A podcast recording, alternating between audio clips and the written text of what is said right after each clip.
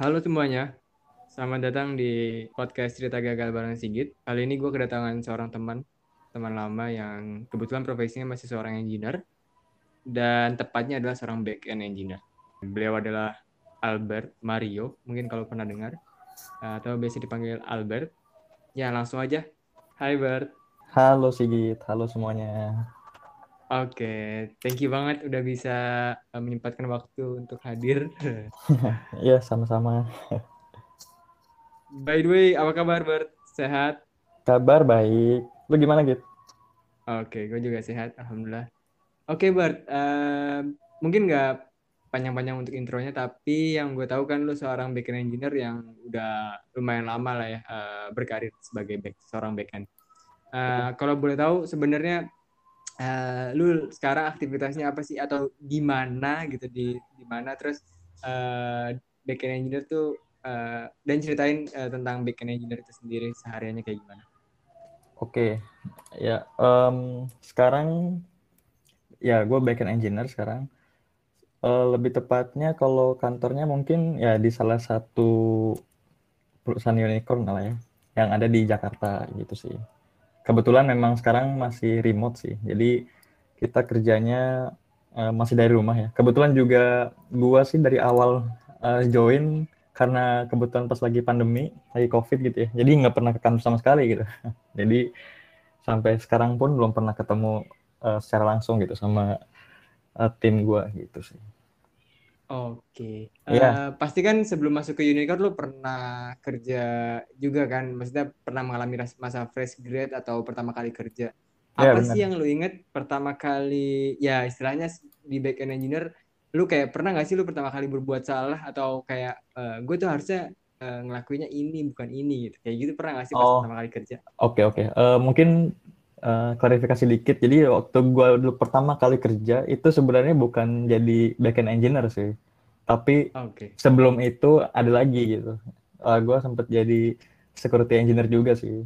Nah sebenarnya backgroundnya kenapa uh, security karena kebetulan dulu di kampus kan suka ikut komunitas security gitu ya. Jadi ya hmm. bisa lah ikut lomba segala macam. Jadi uh, dari situ mulai agak tertarik juga nih pengen uh, coba deh berkarir sebagai security engineer gitu di secara profesional gitu kan. Dan waktu itu kebetulan pas masih skripsi juga sih jadi tahun terakhir uh, coba nekat lah gitu sambil kuliah sambil kerja juga gitu kan. Nah di situ mungkin kalau kegagalan-kegagalannya apa ya uh, ada sih waktu itu uh, lebih mungkin kalau gue pikir-pikir lagi sekarang mungkin dulu lumayan parah gitu ya. Karena lebih jatuhnya kayak ke etika gitu sih. Hmm. dan karena ya waktu dulu kan waktu awal-awal masih kerja tuh kayak merasa kayak paling jago lah paling apa okay. gitu. Jadi uh, apa jadi kayak uh, suka membangkang gitu lah istilahnya sama atasan gitu. Padahal sebenarnya atasan gue tuh kayak ya baik gitu orangnya. Terus nggak walaupun mungkin kadang kadang-kadang uh, sikapnya agak hmm, gimana ya? Sebenarnya seru aja sih cuma mungkin dia pembawaannya kadang-kadang suka ya asik-asik gimana gitu nah, terus uh, ada satu titik di mana gue kayak ngerasa kerjaannya kok cuman gini doang gini. Kayak nggak hmm. sesuai ekspektasi gue gitu. Terus gue kayak uh, ini akhirnya kayak nyeletuk gitu di depan dia gitu. Terus uh, dia kayak negur gue gitu. Maksudnya dia hmm. negur nggak nggak marah juga sih. Tapi kayak lebih kayak nyindir nyindir gitu doang gitu ya. Terus uh, gue waktu itu kayak ngerasa ah gue bener gitu kan. Kayak gitu. Cuman okay. gue makin ke sini makin ke sini uh, pas sudah mulai lama di dunia kerja terus mulai nyadar oh ya kayaknya dulu tuh parah banget ya kayak gue tuh terlalu apa ya terlalu menganggap diri gue kayak ah, gue lebih ngerti daripada yang lain kayak gitu. Itu salah banget sih kayak gitu. Itu salah satu ini sih yang menurut gue aduh jangan sampai terjadi lagi lah kayak gitu sih Oke, ini sebenarnya seru juga nih. Maksudnya kadang malah ada orang yang istilahnya awal-awal lu awal-awal berkarir ya bukan lu masih awal berkarir lebih hmm. banyak kayak ah, takut gitu karena kan gue punya background apa apa kalau lu malah kembalikan ya lu tuh iya. merasa lebih iya jadi kayak apa ya kayak banyak so, so taunya gitu sih kalau pas kayak gitu Bert uh, lu tuh sebenarnya uh, diskusi sampai ngotot juga gak sih karena maksudnya yeah. Iya. uh, eh, sampai titik mana lu kayak lu menyerah atau sebenarnya sampai titik mana lu sebenarnya uh, tetap pegang sama uh, kayak idealisme lu uh, Hmm, terkait hmm, hmm. gue pakai ini maunya gitu itu sampai Iya. gimana ceritanya Hmm, iya sih, pernah beberapa kali sih. Kayak gue, menurut gue ini udah paling bener nih, ini yang lain caranya salah gitu. Itu pernah sih. Lebih seringnya sih mungkin ke sesama tim juga ya, sesama teman sesama di dalam satu tim itu. Karena kebetulan ini juga sih, waktu itu kebetulan- di perusahaan itu gue eh, paling muda gitu ceritanya kan. oke Jadi yang lain tuh kayak udah pada pada punya berkeluarga lah. Jadi gue, aduh gila, gue kalau mikir lagi tuh kayak durhaka banget. Jadi kayak ngerasanya, udah gue pokoknya harusnya kayak gini nih, nggak bisa yang lain kayak gitu. Gue kayak agak ngotot-ngotot gitu juga. Terus kayak kadang-kadang malah jadinya kayak jatuhnya kayak ngambek gitu. itu, itu itu jelek banget sih waktu itu. Jadi kayak, eh tapi akhirnya ini sih, eh gue akhirnya ya mentoknya ya paling ketika sama si eh, atasan gue itu gitu. Jadi ketika dia udah memutuskan gini kan ya gue mau bilang apa gitu kan. Nggak, meskipun gue ngotot-ngotot juga ya dia lebih ini balik lagi gitu apa karena punya Eh, posisi ya karena punya posisi juga kan jadi kayak "Ah, nggak nggak bisa nih kayak gini-gini akhirnya ya udah gue akhirnya ya udah ngalah kayak gitu-gitu sih walaupun sebenarnya eh, kalau gue pikir-pikir lagi juga sekarang kayaknya pada waktu itu juga sebenarnya ilmu gue nggak terlalu banyak-banyak banget sih pada waktu itu. Cuman kebetulan ya karena mungkin ya sempat eh, agak tahu lebih banyak sedikit ya daripada mungkin yang lain. Jadi kayak ngerasain. Cuman mungkin gue kurang bisa memanfaatkan apa yang udah gue punya waktu itu dengan bijak aja gitu sih kalau boleh tahu waktu itu pas masih jadi security engineer atau Iya. udah jadi backend engineer itu yang tadi ya ceritanya masih sama yang di eh, security engineer gitu sih Oke, menarik. Berarti sebenarnya emang Hmm. karena ya lu punya background lebih lama, jadi mungkin ya mungkin idealisme diri aja ya. Emang kadang Iya, benar. Lebih lama suka kayak gitu sih. Tapi Hmm. mungkin ada juga bagi bagi- apa, bagian orang tuh semakin lama malah semakin kayak gue tuh makan gak tahu apa-apa. Karena ada yang begitu juga. iya mungkin ini kali gue apa kayak terlalu agak kayak bersemangat nih karena kan oh pekerjaan pertama nih kan masih kuliah lagi kan gue kayak ngerasa wah keren banget nih terus kayak akhirnya gue coba ah ini kayaknya gampang-gampang gitu. eh nggak taunya ya itu berdampak buruk juga sih eh, ke guanya gitu sih Oke, menarik. Terus Bert, Hmm. kalau misalkan itu kan eh, pengalaman pertama misalnya kayak mungkin lebih so- ngerasa sotoy. Terus kalau misalkan kayak yang tadi nih Bert, eh, Mm-mm. kan pasti lu pernah juga ngerasa salah. Terus eh, eh, tepatnya sebenarnya pas kayak gini, eh, sebenarnya tuh gue udah ngotot tapi sebenarnya ya malah kebalikan gue tuh salah gitu. Ada nggak sih pengalaman kayak gitu? Bukan yang istilahnya mensupport lu ya. Kalau Oh. misalkan kayak lu tapi lu bener ya itu kadang-kadang mungkin lu senang. Tapi kalau kebalikannya pernah nggak sih gitu? Oh, eh, ya mungkin pas kayaknya pernah deh waktu yang di tapi di pekerjaan itu juga ya. Jadi kayak gua ngotot-ngotot juga nggak taunya ke belakang-belakang gue baru sadar oh ya ternyata salah nih. Maksudnya secara teknisnya emang salah kayak yang gua eh, katakan itu gitu sih. Jadi yang bener yang mereka gitu. Gue udah ngotot-ngotot ya akhirnya ujung-ujungnya ya malu sendiri juga sih. Tapi gue bersyukurnya juga mungkin mereka pada waktu itu masih memahami gitu ya kayak karena mungkin gue fresh grade gitu baru bahkan belum lulus waktu itu jadi kayaknya mereka ya slow-slow aja gitu sih. Oke. Ceritanya lu bisa dari se- seorang security terus tiba-tiba ke back end itu eh, gimana tuh, Bang? Oh, iya jadi kan tadi itu prosesnya gue tadinya masih kuliah kan. Nah terus Mm-mm. ya ketika gue jalanin itu dua hal itu kuliah dengan kerja juga itu meskipun cuma skripsi doang itu gue rasa kayak berat banget sih. Jadi gue kayak skripsinya tuh keteteran juga sih. Akhirnya gue memutuskan waktu itu oh kayaknya nih gue harus stop nih, harus pilih salah satu nih. Akhirnya ya karena kuliah gue belum selesai kan, ya akhirnya gue stopin tuh ker- pekerjaan di situ sebagai security Hmm. engineer. Nah terus em, selain itu juga alasan lainnya adalah karena eh, menurut gua ya apa pekerjaan yang waktu itu tuh kayak kurang cocok sama ekspektasi gua gitu sih secara security-nya gitu kan kayak eh, malah ki- eh, gua waktu itu lebih banyak ngurusin kayak policy-policy gitu yang kayak berkaitan sama dokumen dokumentasi dokumentasi kayak gitu kan biasanya kalau security kan ada yang kayak gitu juga ya sementara Iya. dalam bayangan gua aku pengennya kayak eh, ngoding nih kayak misalnya kayak lebih ke pentest kayak gitu-gitu kan. Cuma pada Oke. waktu itu karena kayaknya divisinya juga masih kecil dan waktu itu baru gue sendiri doang sih di situ. Jadi kayak mereka baru buka divisinya gitu terus gue baru masuk terus Jadi ada beberapa hal yang lebih prioritas gitu kayak berkaitan sama ya dokumentasi lah karena mereka butuh juga kayak mesti ngejar sertifikasi apa apa apa apa gitu dan itu juga butuh dari uh, sisi security-nya gitu kan. Nah akhirnya mm -hmm. uh, ya udah gue lebih banyak uh, kerja di situ gitu dan karena nggak sesuai ekspektasi gue akhirnya gue pikir aduh kayaknya nggak uh, cocok deh gue kayaknya uh, mendingan lebih ke kayak ngoding gitu aja deh akhirnya ya gue putuskan waktu itu uh, ya gue resign dulu gitu pada waktu itu sih resign terus gue kelarin skripsi terus akhirnya uh, gue pikir akhirnya uh, backend aja deh kayak gitu jadi lebih karena kalau backend kan udah pasti ngoding ya kalau misalnya security hmm.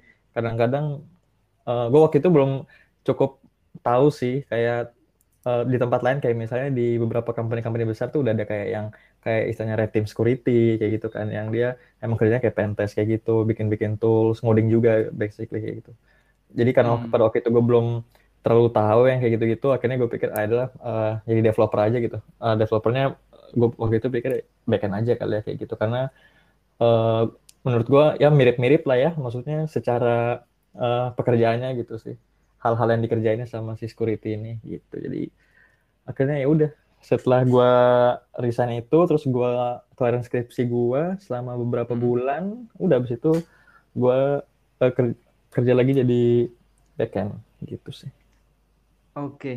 uh, eh, di backend ini Bert kan lu pernah -huh. punya background security berarti kan uh, bisa jadi sebenarnya lu ada pernah belajar kalau eh ini nggak boleh pakai kayak gini loh karena lu pasti udah pernah kayak gitu lah ya kayak oh, mungkin uh, iya. bentuk request lah nggak gitu kayak eh request request itu jangan semuanya bentuknya get kan kalau get nanti sebenarnya ke expose datanya di URL misalkan seperti itu oh iya nah pernah nggak sih dari sisi kayak pas lu jadi backend lu itu miss apa yang udah lu pernah lu pelajarin di di security gitu kayak harusnya oh. security itu OA, iya, iya. OASP-nya semuanya harus diterapin tapi ada yang kelewat atau gimana pernah nggak atau oh. gimana ceritain dong pengalamannya? Iya iya pernah sih mungkin um, paling sederhana ini kayak ngatasin masalah kayak ya SQL injection kayak gitu-gitu ya. Jadi kadang-kadang ini sih kalau kita ngoding fitur kan biasanya butuhnya cepet ya. Apalagi kalau yeah. didorong sama orang produk kayak gitu. Jadi biasanya suka bertentangan tuh sama yang masalah-masalah kayak security gitu. Biasanya kalau kita emang pengen deliver cepet biasanya security ah belakangan aja lah kayak gitu. Bahkan mungkin yeah. lupa juga. Jadi ya ya lumayan kalau dulu dulu sih kayaknya uh, pernah lah ya beberapa kali kayak sebenarnya tahu nih oh ini kayaknya jangan kayak gini nih tapi uh, demi kecepatan akhirnya mengorbankan si security ini kayak gitu sih. Kayak ya yang hal-hal yang kayak gitu. Tapi untungnya waktu itu juga ya mungkin bisa ditekel juga misalnya udah ada firewall lah segala macam. Tapi kan dari segi uh, aplikasi juga kita harus ini kan ngodingnya harus benar juga gitu kan. Apalagi kalau misalnya kita tahu basic-basicnya kayak gitu yang security-nya. Paling nggak yang basic-basicnya lah. Kalau hmm. kita tahu harusnya kita terapin gitu kan. Cuman uh, pada waktu itu ya mungkin kayaknya sampai sekarang juga mungkin kayak ada beberapa hal yang uh, eh, gue tahu sebenarnya nggak boleh tapi uh, ya mau gimana gitu. Akhirnya contohnya dong contohnya yang nggak boleh apa sih sebenarnya kalau di backend uh, kayak harus menghindari apa atau gimana?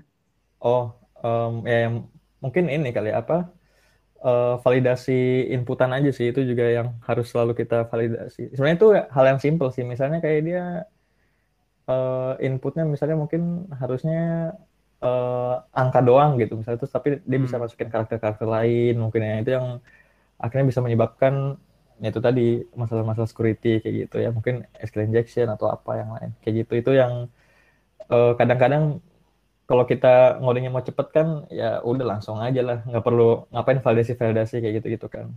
Cuman kalau sekarang kan Berarti ya. Istilahnya kayak gitu suka ini ya, kelewat di sisi ah ini udah di tackle front end nih, gitu nggak sih? Iya, jadi kayak lebih kayak ya udah percaya aja sama yang yang sebelum kita nge-request kayak gitu. Tapi padahal kan kalau secara uh, praktisnya kan kita harusnya uh, jangan percaya siapa-siapa kan gitu meskipun yeah. front endnya front end satu tim juga misalnya kayak gitu. Jadi kayak harusnya kita juga dijagain, di mereka dijagain kayak gitu-gitu sih.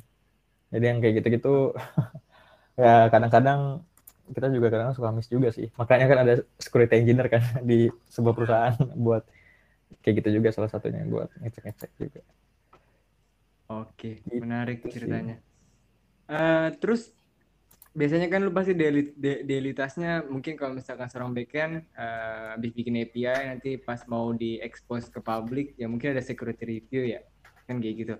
uh, uh, dari hal-hal yang seperti itu, misalnya daily tasknya seorang backend, uh, apa sih yang menarik ke, ketika ya lu itu uh, ketemu sama apa security engineer lagi untuk ngebahas apa yang lu kerjain gitu? Uh, apakah itu sebenarnya se sebuah yang biasa aja karena lu lolos terus atau lu pernah kayak aduh ini kan gue udah pernah tapi gue lupa lagi lupa lagi ada yang kayak gitu nggak? Oh, hmm, bentar deh. Kayaknya pernah deh. Baru-baru ini kalau nggak salah. Tapi, aduh udah lama. Sudah kayak tahun lalu gitu. Gue lupa juga isunya apa. Tapi pernah sih. Jadi ada, kita udah rilis fitur. Terus tiba-tiba uh, ada security engineer itu ngebikin tas di ini. ngebikin tas di boardnya kita gitu. Kayak, oh ini ada uh, problem ini nggak boleh nih kayak gini, gini, gini.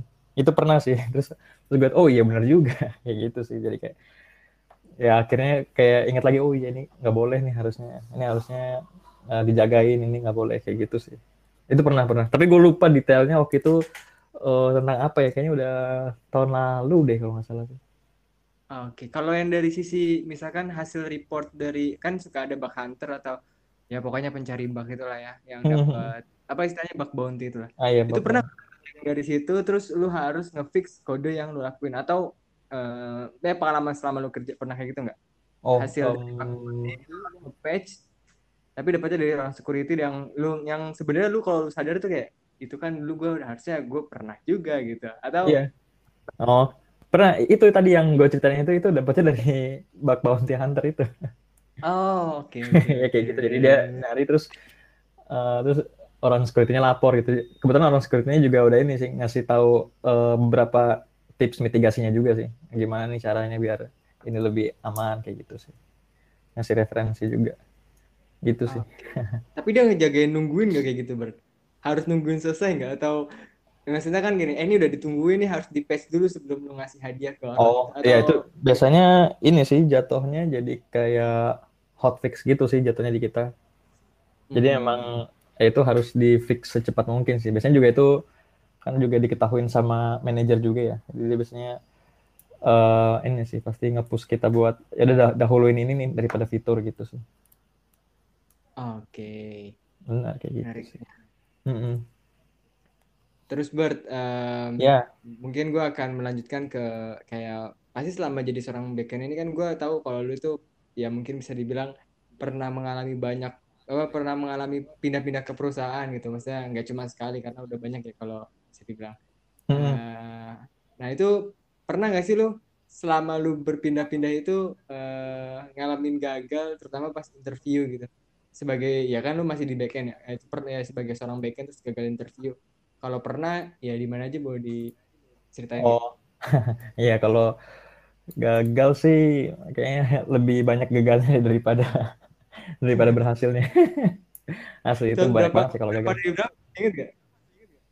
Kayaknya mungkin dari, kalau satu dari 99 bisa gitu kan nggak mungkin. Oh, ya, kalau perbandingan, perbandingannya mungkin hmm, satu banding tiga kali satu banding tiga atau satu banding empat ya kayaknya sekitar itu deh iya lebih banyak gagalnya sih.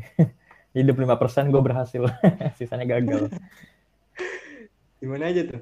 Itu ya gue nyoba ini juga. Ya kebanyakan sih emang company Indo sih. Indo sama luar juga ada sih beberapa yang gue coba. Terus waktu itu ya sempat gagal juga. Cuman gue lebih banyak uh, nyoba yang di Indo sih untuk sekarang.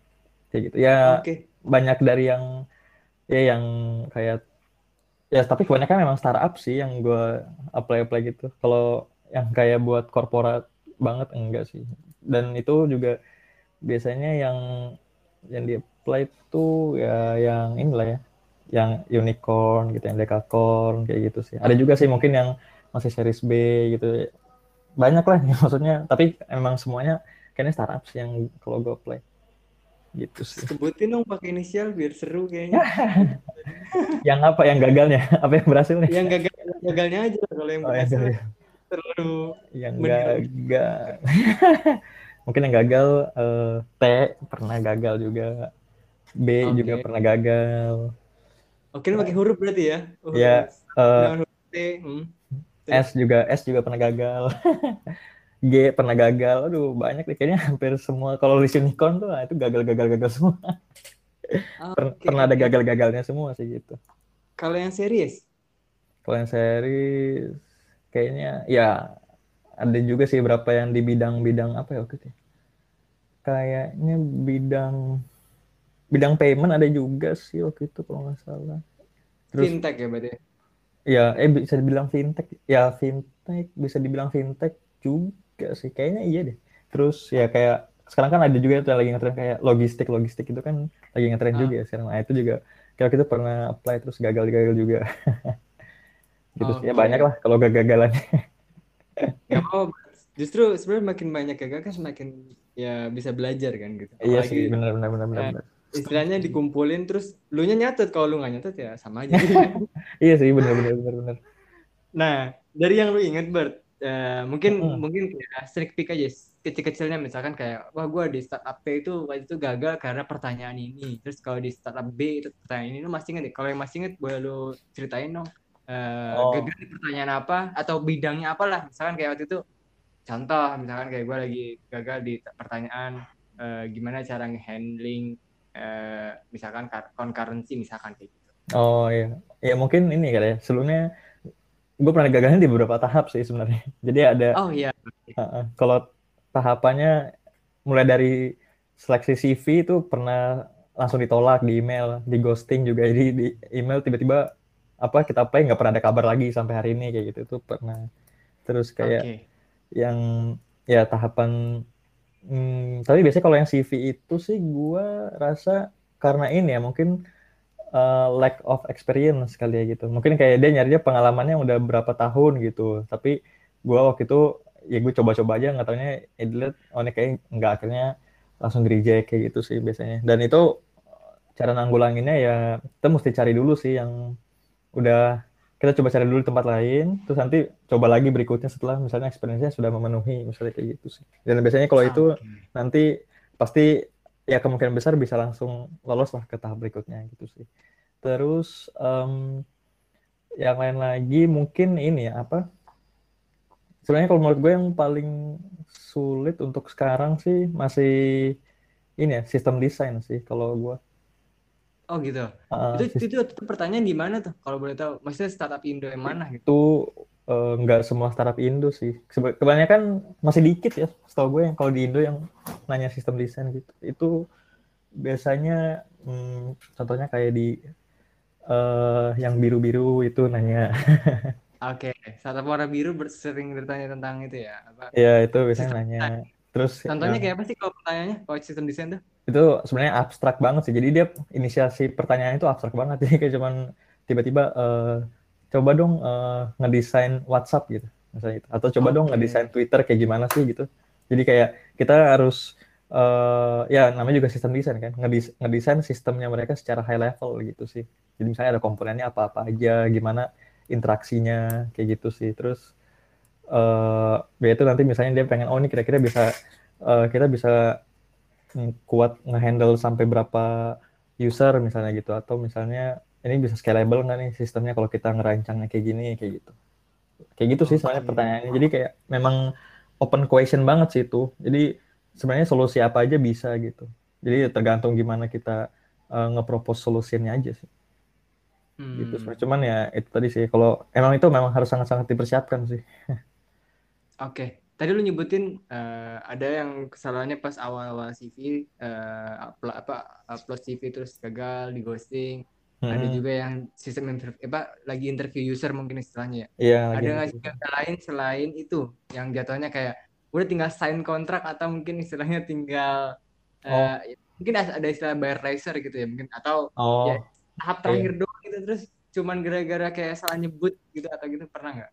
Hmm, kayaknya kalau gua sampai sejauh ini kalau yang udah akhir-akhir kayaknya nggak pernah gagal deh maksudnya kalau kalau udah sampai akhir ya gitu. Biasanya gua gagal di tengah-tengah sih kayak gitu.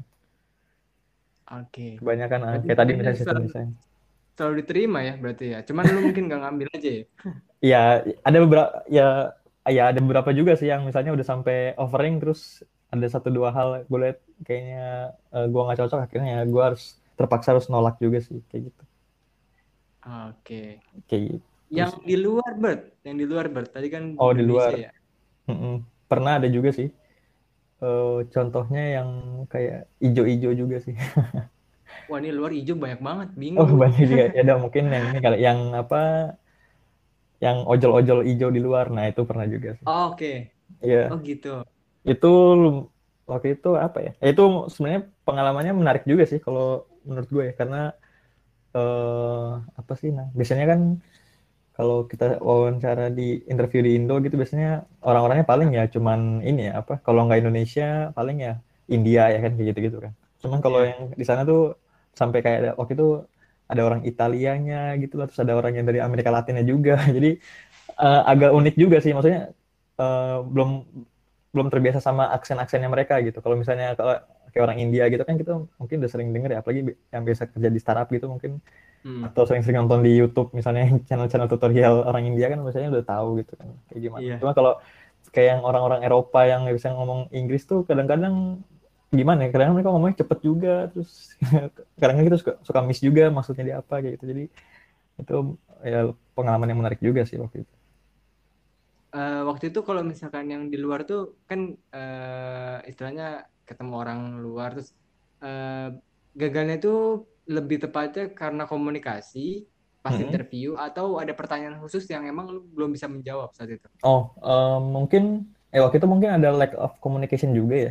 Faktornya sih Nah. waktu itu juga terus dan waktu itu tahapan gagalnya sama sih di sistem desain juga sih. Jadi kayaknya gue ada yang salah mengerti maksudnya dia kayak gitu. Jadi eh, akhirnya ya jadi kayak agak awkward gitu sih waktu itu. Ah, oke. Terus juga mungkin gue kayaknya eh, kurang prepare juga sih buat sistem desainnya itu. Jadi eh, itu ya itu juga sih faktor-faktornya akhirnya pas setelah itu ya gue gagal gitu itu. Lu masih make kayak gini nggak? Nih di resume gue pasti benar gitu kayak waktu awal atau Oh, um, iya iya Atau- benar-benar. Waktu itu gue sempat sempat ke bawah juga sih, karena gue Oh. berdasarkan ini berdasarkan pengalaman kan. Jadi kayak Eh, eh, jadi dia dia tuh waktu itu kalau nggak salah nanyanya hal hal yang gue udah pernah buat gitu, yang udah Hmm. pernah gue terapin gitu pas lagi kerja gitu kan. Terus dan gue rasa itu paling benar gitu caranya terus gue cobain. Tapi kayaknya dia nge-counter gitu kan, nge-counter Hmm. terus gue kayaknya waktu itu kurang angkep maksudnya dia kayak gimana terus akhirnya berujung ke kayaknya gue salah jawab kayak gitu deh. Akhirnya ya jadi banyak wasting time juga sih. Terus akhirnya gue udah nggak ngerasa juga wah ini kayaknya udah udah susah nih gue bilang kayak gitu kan. Akhirnya eh bener bener aja gitu. Setelah itu ya dapat email bahwa tidak lanjut. Padahal itu maksudnya udah eh, tahap kesekian gitu loh gitu jadi kayak udah Oke. sedikit lagi itu udah sisa-sisa yang udah terakhir kayak gitu Maksudnya sebelum eh, kayak tanda tangan korat nih mungkin raja terakhir kali gitu ya. Cuman Iya, ya ya mungkin- menuju raja terakhir. ya menuju raja terakhir padahal kalau itu udah ini kayak bisa dibilang satu kaki udah di sana lah kayak gitu Hmm. Ibaratnya gitu kan cuman aduh gagal jadi sayang banget sih padahal waktu itu Lanjut Bert. Mm-mm. Kalau misalkan pertanyaan yang paling lu istilahnya ini pertanyaan gua banget nih pas interview, eh, gue pasti bisa jawab. Itu lu confident-nya pertanyaannya model apa yang bisa lu jawab? oh mungkin kalau sekarang ini kali ya Eh, biasanya gue eh, lumayan confident kalau misalnya dia nanya ini sih kayak suruh live coding gitu sih live codingnya tapi misalnya kayak yang kayak algoritma gitu-gitu ya soalnya biasanya pertanyaannya rata-rata sih hampir mirip-mirip ya antar company Apa? Biasanya yang lu inget kan lu berkali-kali tuh apa aja? misalnya apa ya hmm, ya misalnya ya kayak bilang prima kayak gitu misalnya. Prima terus kayak palindrom kayak gitu-gitu kayaknya lu- lumayan sering sih itu. Di mana-mana kayaknya ditanyain juga gitu sih. Terus kayak pertanyaan ter- terkait tree yang sederhana kayak gitu itu juga pasti ditanyain sih. Terus juga kayak misalnya searching-searching pakai kayak binary research ya.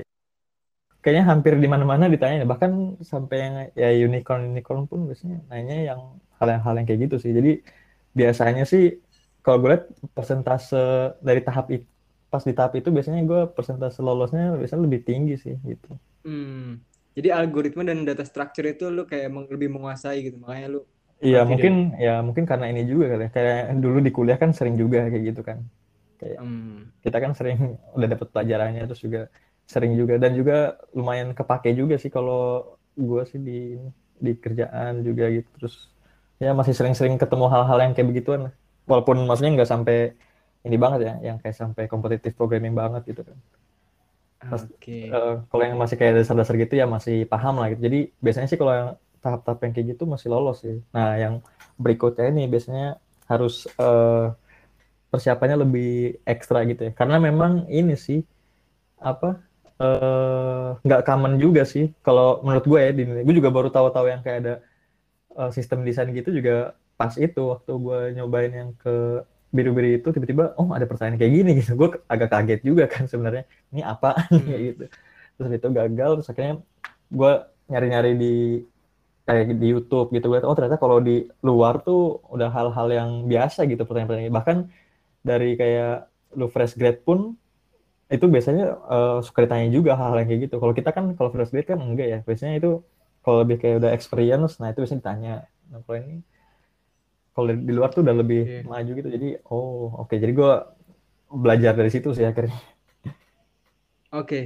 uh, eh, terus gue mau nanya juga dong kan pasti lu ber udah berkali-kali interview. Pasti lu punya lu pernah dengar istilah Swiss Knife Army? Swiss Knife Army ya pernah dengar sih nah itu yang pisau pokoknya pisau model pisau multifungsi punyanya. Yang ben, apa?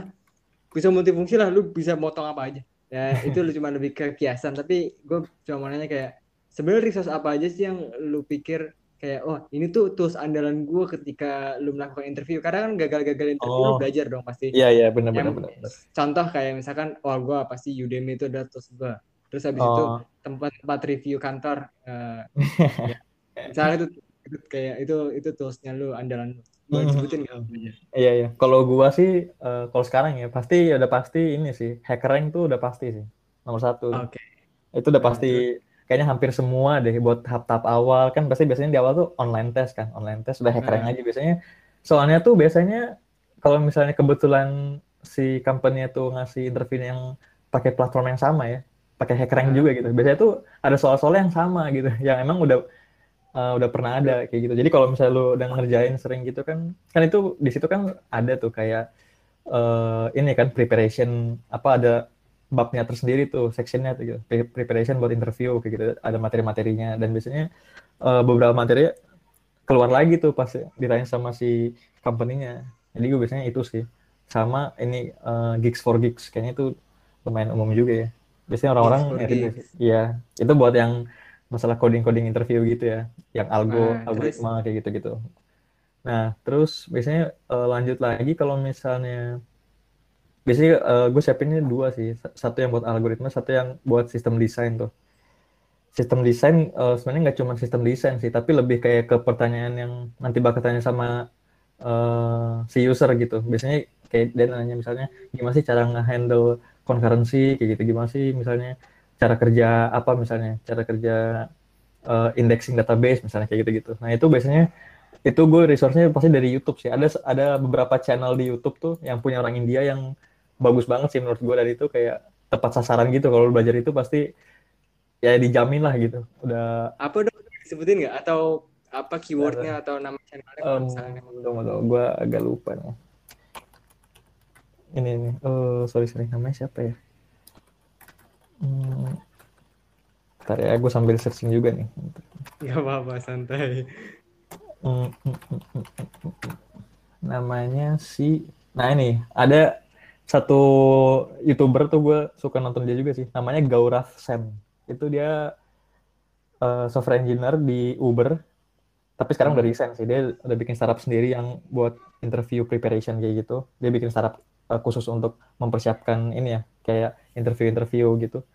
Nah itu dia banyak uh, ngebahas banyak banget sih dari mulai kayak sistem desain terus kayak teknologi teknologi-teknologi tertentu gitu. Misalnya kayak uh, ya kita tadi yang kayak gue bilang kan gimana sih cara kerja uh, indexing database gitu ya? Atau misalnya hmm. gimana sih uh, Redis cara kerjanya kayak gitu sistem caching gitu kayak gimana sih cara kerjanya? Nah itu biasanya uh, gue langsung dari situ.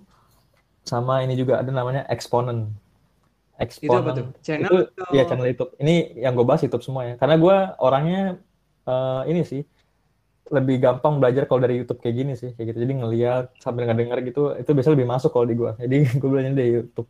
Itu namanya ada exponent. Kalau exponent tuh kayak jadi dia banyak ini uh, apa uh, nge-mocking interview gitu.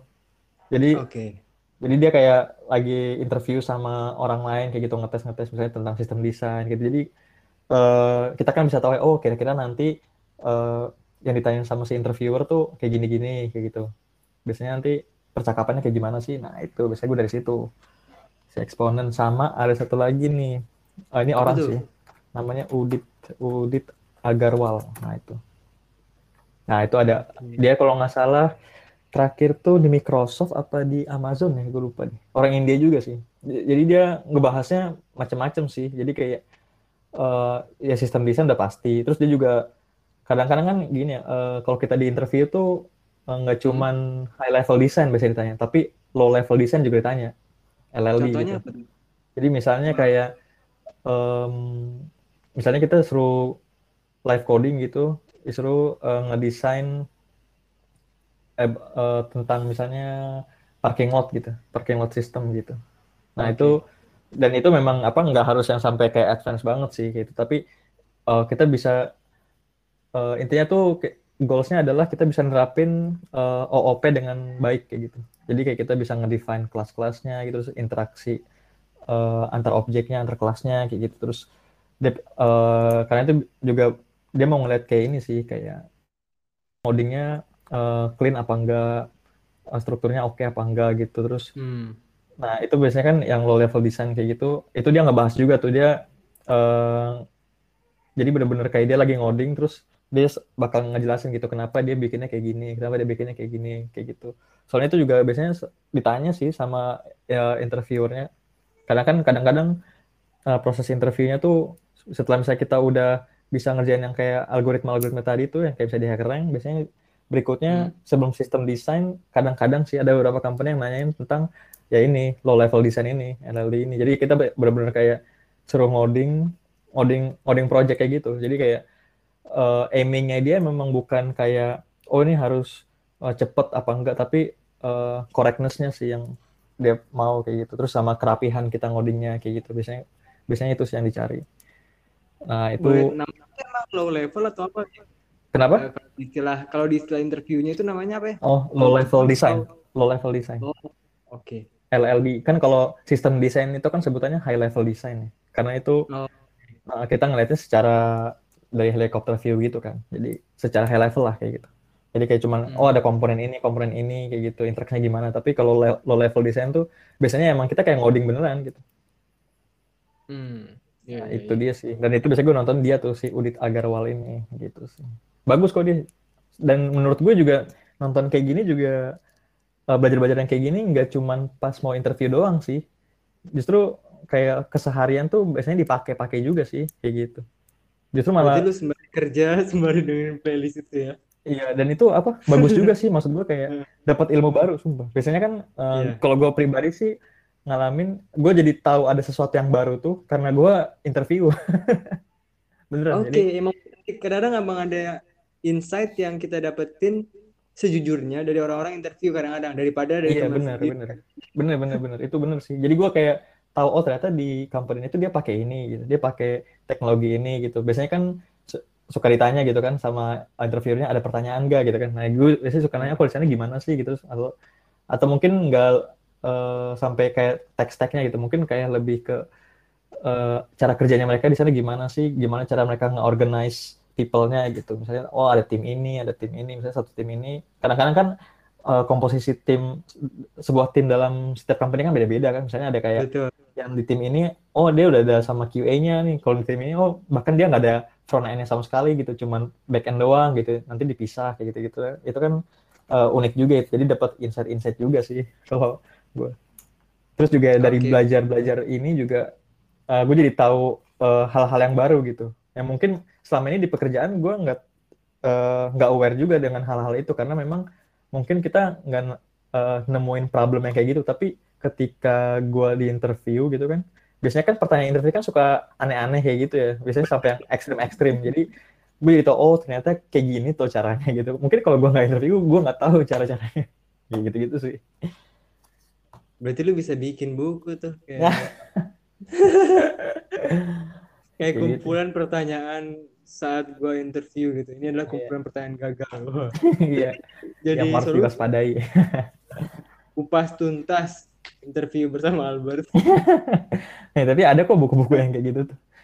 Oh iya iya. Uh, kayak apa sih misalnya kayak sistem desain gitu apa yang harus dipersiapkan kayak gitu-gitu. Jadi bukunya tuh kayak buku lebih ke fundamental gitu. Kalau fundamental kan biasanya nggak termakan usia gitu. Jadi pasti bakal uh, applicable juga gitu buat sekarang-sekarang. Gitu. Itu oke okay hmm. juga sih. Cuman gue sekarang belum pernah beli-beli buku gitu sih. Paling masih belajar dari yang gratis-gratis saja. hmm.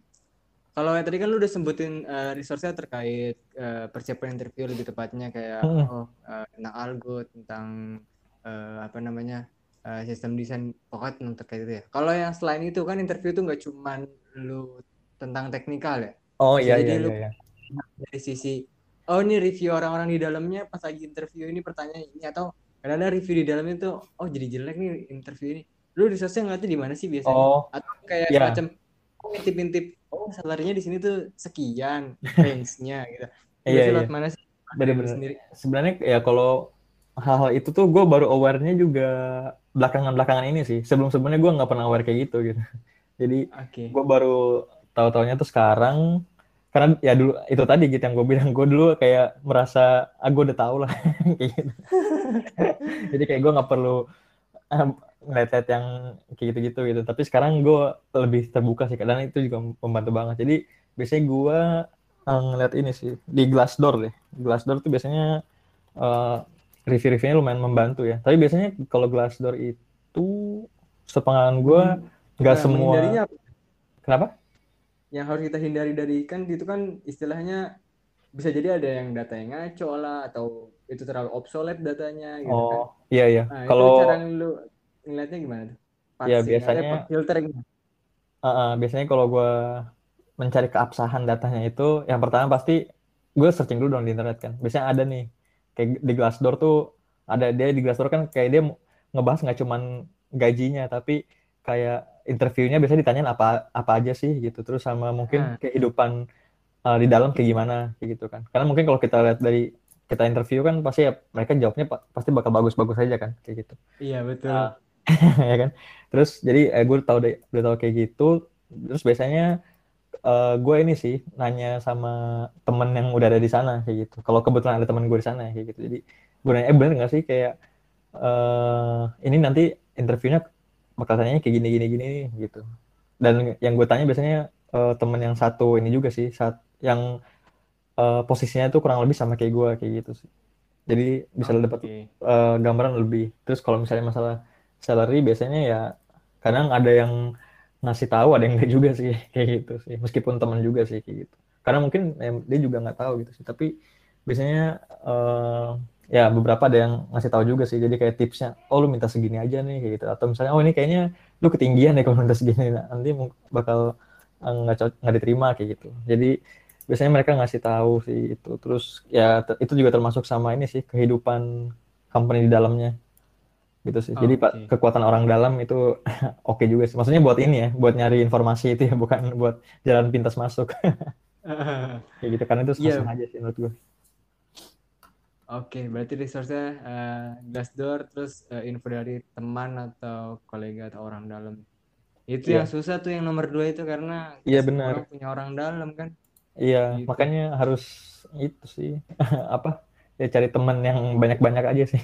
Kadang-kadang juga dari ini juga sih gitu, dari LinkedIn juga mungkin orangnya lu nggak kenal tapi ya lu bisa tanya-tanya ke dia. Itu juga. Oh gitu. Bisa. Lu pernah, pernah pernah yang kayak gitu? Pernah pernah. Nge-reach out dia. Hmm. Kebetulan ini sih, kebetulan dia yang nge-reach out gua gitu. Jadi uh, waktu itu dia nanya nih, eh mau join ke sini nggak gitu kan? Padahal dia bukan recruiter hmm. gitu. Jadi dia kayaknya nyari referral juga karena kan ya biasalah di company kan suka ada program referral gitu kan. Kalau masukin orang hmm. dapat duit. Iya. Nah, jadi dia nanya gue, eh lu mau nggak coba-coba ke sini nih? Terus gue bilang, wah kayaknya oke juga nih company-nya kan. Ya, gue coba kan kayak gitu. Nah terus ya memang sih dia dia yang kayak ngurusin gitu. Jadi eh, gue nanya, nanya ke dia juga ya, salarinya berapa nih kayak gini gini gini gitu kan. Gue nyari-nyari di internet dapetnya info segini, bener nggak nih? Nah, kayak gitu kan. Jadi dia ngasih tahu juga, terus dia kayak ngasih tips-tipsnya juga buat interviewnya. Oh nanti ditanyanya bakal ini ini ini, ini. nanti lu uh, persiapin ini ini aja. Dan waktu itu uh, gue ini sih kepake juga sih. Jadi informasi yang dia bilang tuh benar juga sih. Kayak gitu. Oh. Jadi bisa lolos. Tapi waktu itu sayangnya gue nggak nggak ambil. itu udah sampai offering gitu sih. Iya, iya, iya. Berarti hmm. sebenarnya harus harus aktif juga ya di sosial media LinkedIn. Iya, iya benar-benar. gue ya kayak gue sekarang juga kadang-kadang add aja lah semua orang-orang yang ini yang soalnya kita nggak tahu sih ke depannya bakal perlu apa enggak gitu. Kalau pengalaman gue sih ya gue bersyukur sih udah ada di LinkedIn terus udah ngat-ngat orang gitu. Jadinya kebantu juga sih gitu. Jadi salah satu Siap. buat dapetin informasi dari situ juga kalau gue. Oke, menarik uh, resource-nya. Uh, mungkin kalau dari pendengar ada yang ingin mencatat, silakan karena ini informasi yang penting.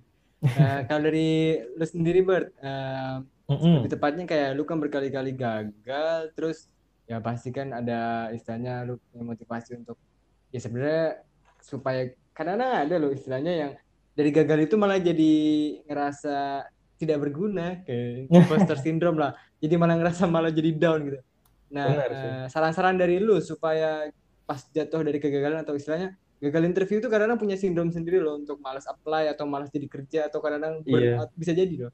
Bener nah, bener bener. Saran dari lu gimana untuk ngehandle nih?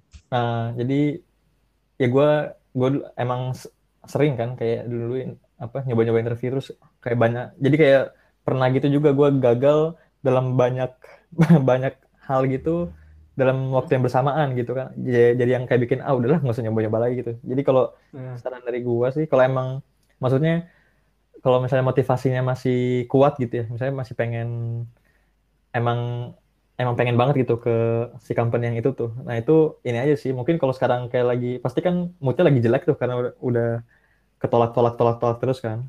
Kalau menurut hmm. gue sih ya itu ya istirahat dulu sejenak kayak gitu kalau gue sih karena juga okay. biasanya company itu ada ininya juga sih, ada waktu uh, jedanya gitu yang lu nggak boleh lagi apply lagi nih selama berapa lama gitu. Dan itu ya lu bisa manfaatin itu juga sih.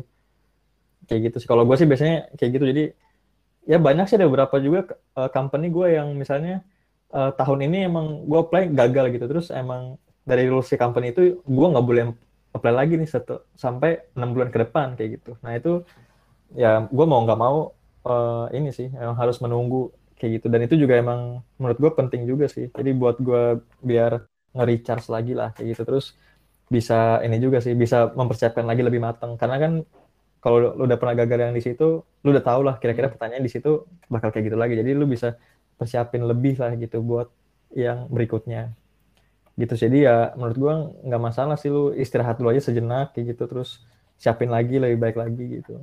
Terus hmm. coba lagi gitu. Nggak masalah sih kalau menurut gue kalau dari lu sendiri lu bikin cron job gitu nggak? Oh enam bulan. Nggak gue akan apply lagi. Nggak nggak nggak. Nah sebenarnya sebenarnya sih ini sih apa kalau kayak pindah-pindah gitu kan jelek juga ya. Misalnya kayak iya iya uh, cuma mungkin kalau gue sih uh, lihatnya kelebihannya sih gitu ya. Sebenarnya kalau kelebihannya tuh satu sih, gaji lu pasti meningkatnya cepet banget sih. itu bener banget, yeah. itu nggak bohong sih kalau gue kayak gue mikir kalau gue dulu misalnya masih stay di sini kayaknya nggak mungkin kayak sekarang misalnya kayak gitu ya tapi itu benar Mungkin tapi sebenarnya lebih ke ini loyalitas ya kayak ke iya iya benar benar skill bener. loyalitas lo ya gitu ya. nah loyalitas juga sih dan itu ya balik lagi sih ke orang masing-masing kan beda-beda ya maksudnya motivasinya gitu dia kalau dia kerja kan mungkin ada yang aku ah, pengen uh, gaji nggak uh, masalah lah kayak gitu. Yang penting gue bisa uh, memahami macam-macam di perusahaan ini gitu. Gue bisa dapat skill macam-macam tapi ada juga mungkin yang orang melihatnya uh, ya gue kerjanya buat dapat duit nih kayak gini kayak gitu kan. Mungkin akhirnya ya dia memutuskan oh kalau ada tawaran yang lain yang lebih oke okay, dia coba kayak gitu gitu jadi ya balik lagi ke ininya sih motivasi tiap orang. Cuman kalau dari gue sih sebenarnya mikirnya uh, kalau bisa sih jangan terlalu sering-sering iya pindah-pindah ya karena itu nggak bagus juga sih di CV sebenarnya kayak gitu. Meskipun okay. secara gaji mungkin ya pasti naik lah ya kan kayak gitu. Mm. jadi ya hmm, ya balik lagi sih ke motivasi orang motivasi orangnya gitu. Pertanyaan penutup ber. Iya. Ap, uh, apakah lu cuma jawabannya cuma ya atau tidak doang hmm. jadi kalau misalkan emang bisa kalau lu belum apa kalau jawabannya emang tidak ya udah nggak apa-apa gue nggak akan bilang uh, apakah lu sekarang ini udah ada dalam kondisi dream jobs? Maksudnya uh, entah itu posisi lu yang lu udah sukai atau uh, istilahnya posisi lu plus perusahaan yang lu sukai atau lu udah di Mhm. perusahaannya lu sukai tapi posisi lu nggak lu sukai tapi dia dream job lah dream job versi lu apakah lu Oh. udah ada di posisi itu Untuk sekarang, untuk jangka panjang sih, kayaknya iya deh, udah. Jadi kayak mungkin, aduh jadi balik lagi. Kalau gue mungkin dulu eh, ini ya apa motivasinya gue pengen eh, interview-interview gitu, gue pengen ini sih, coba berada di perusahaan yang udah oke gitu sih. Maksudnya yang udah ya ibaratnya yang, yang di Indonesia tuh udah yang paling mantepnya lah kayak gitu sih. Jadi oke Nah, jadi kalau misalnya gue ada dapet yang apa yang gue mau itu kayaknya ya udah stay dulu lah kayak gitu. Nanti memang sih secara jangka panjang bangetnya itu gue pengen juga sih misalnya berkarir kayak yang yang di company yang inilah yang di luar lah kayak gitu. Maksudnya kalau yang di Indonesia mungkin udah enggak, tapi yang di luar sih yang kayak fang gitu kan itu ini ya sangat-sangat prestis banget ya itu ya. Cuma itu pasti Oke. eh, kayak susah-susah banget sih. Jadi kayaknya itu butuh prepare yang lebih tinggi lagi sih gitu. Tapi kalau gua kalau tanya sekarang udah iya atau enggak, kayaknya gue bisa jawab eh, iya sih. Oke, selamat lah kalau misalkan emang udah menemukan kondisi sekarang ideal lagi. Maksudnya ada merasa dream, ah ini gue banget nih gitu. Iya. Ya, eh, karena gue bercerita tentang eh, podcast kegagalan ini lebih tepatnya kita bisa belajar dari kesalahan dan juga menemukan sebenarnya lu masih punya semangat lagi atau enggak untuk eh, mengejar mimpi lu gitu. Dan Benar. mimpi lu tuh versinya adalah versi lu bukan versi gue dan gue ngejas ya itu salah enggak ya tapi kayak kalau lu bilang iya ya udah dan itulah mungkin pertanyaan penutup dari podcast kali ini. Gue ngucapin Oke. terima kasih Sama-sama sih. pada Albert sudah bisa berbagi Thank cerita uh, ya. terkait cerita-cerita gagalnya dan juga tips triknya ataupun resource yang dia share. Uh, tadi kalau misalkan emang uh, teman-teman merasa ini bermanfaat, silakan teman-teman uh, karena dia di YouTube ya. Jadi di YouTube saya juga bisa di-subscribe uh, Hmm. cerita gagal bareng Sigit dan juga podcast uh, cerita gagal bareng Sigit. Terima Mantap. kasih kepada Albert dan para pendengar. Sama-sama. Eh, kita Terima akhiri juga dulu. sih. Sampai jumpa. Bye. Thank you. thank you.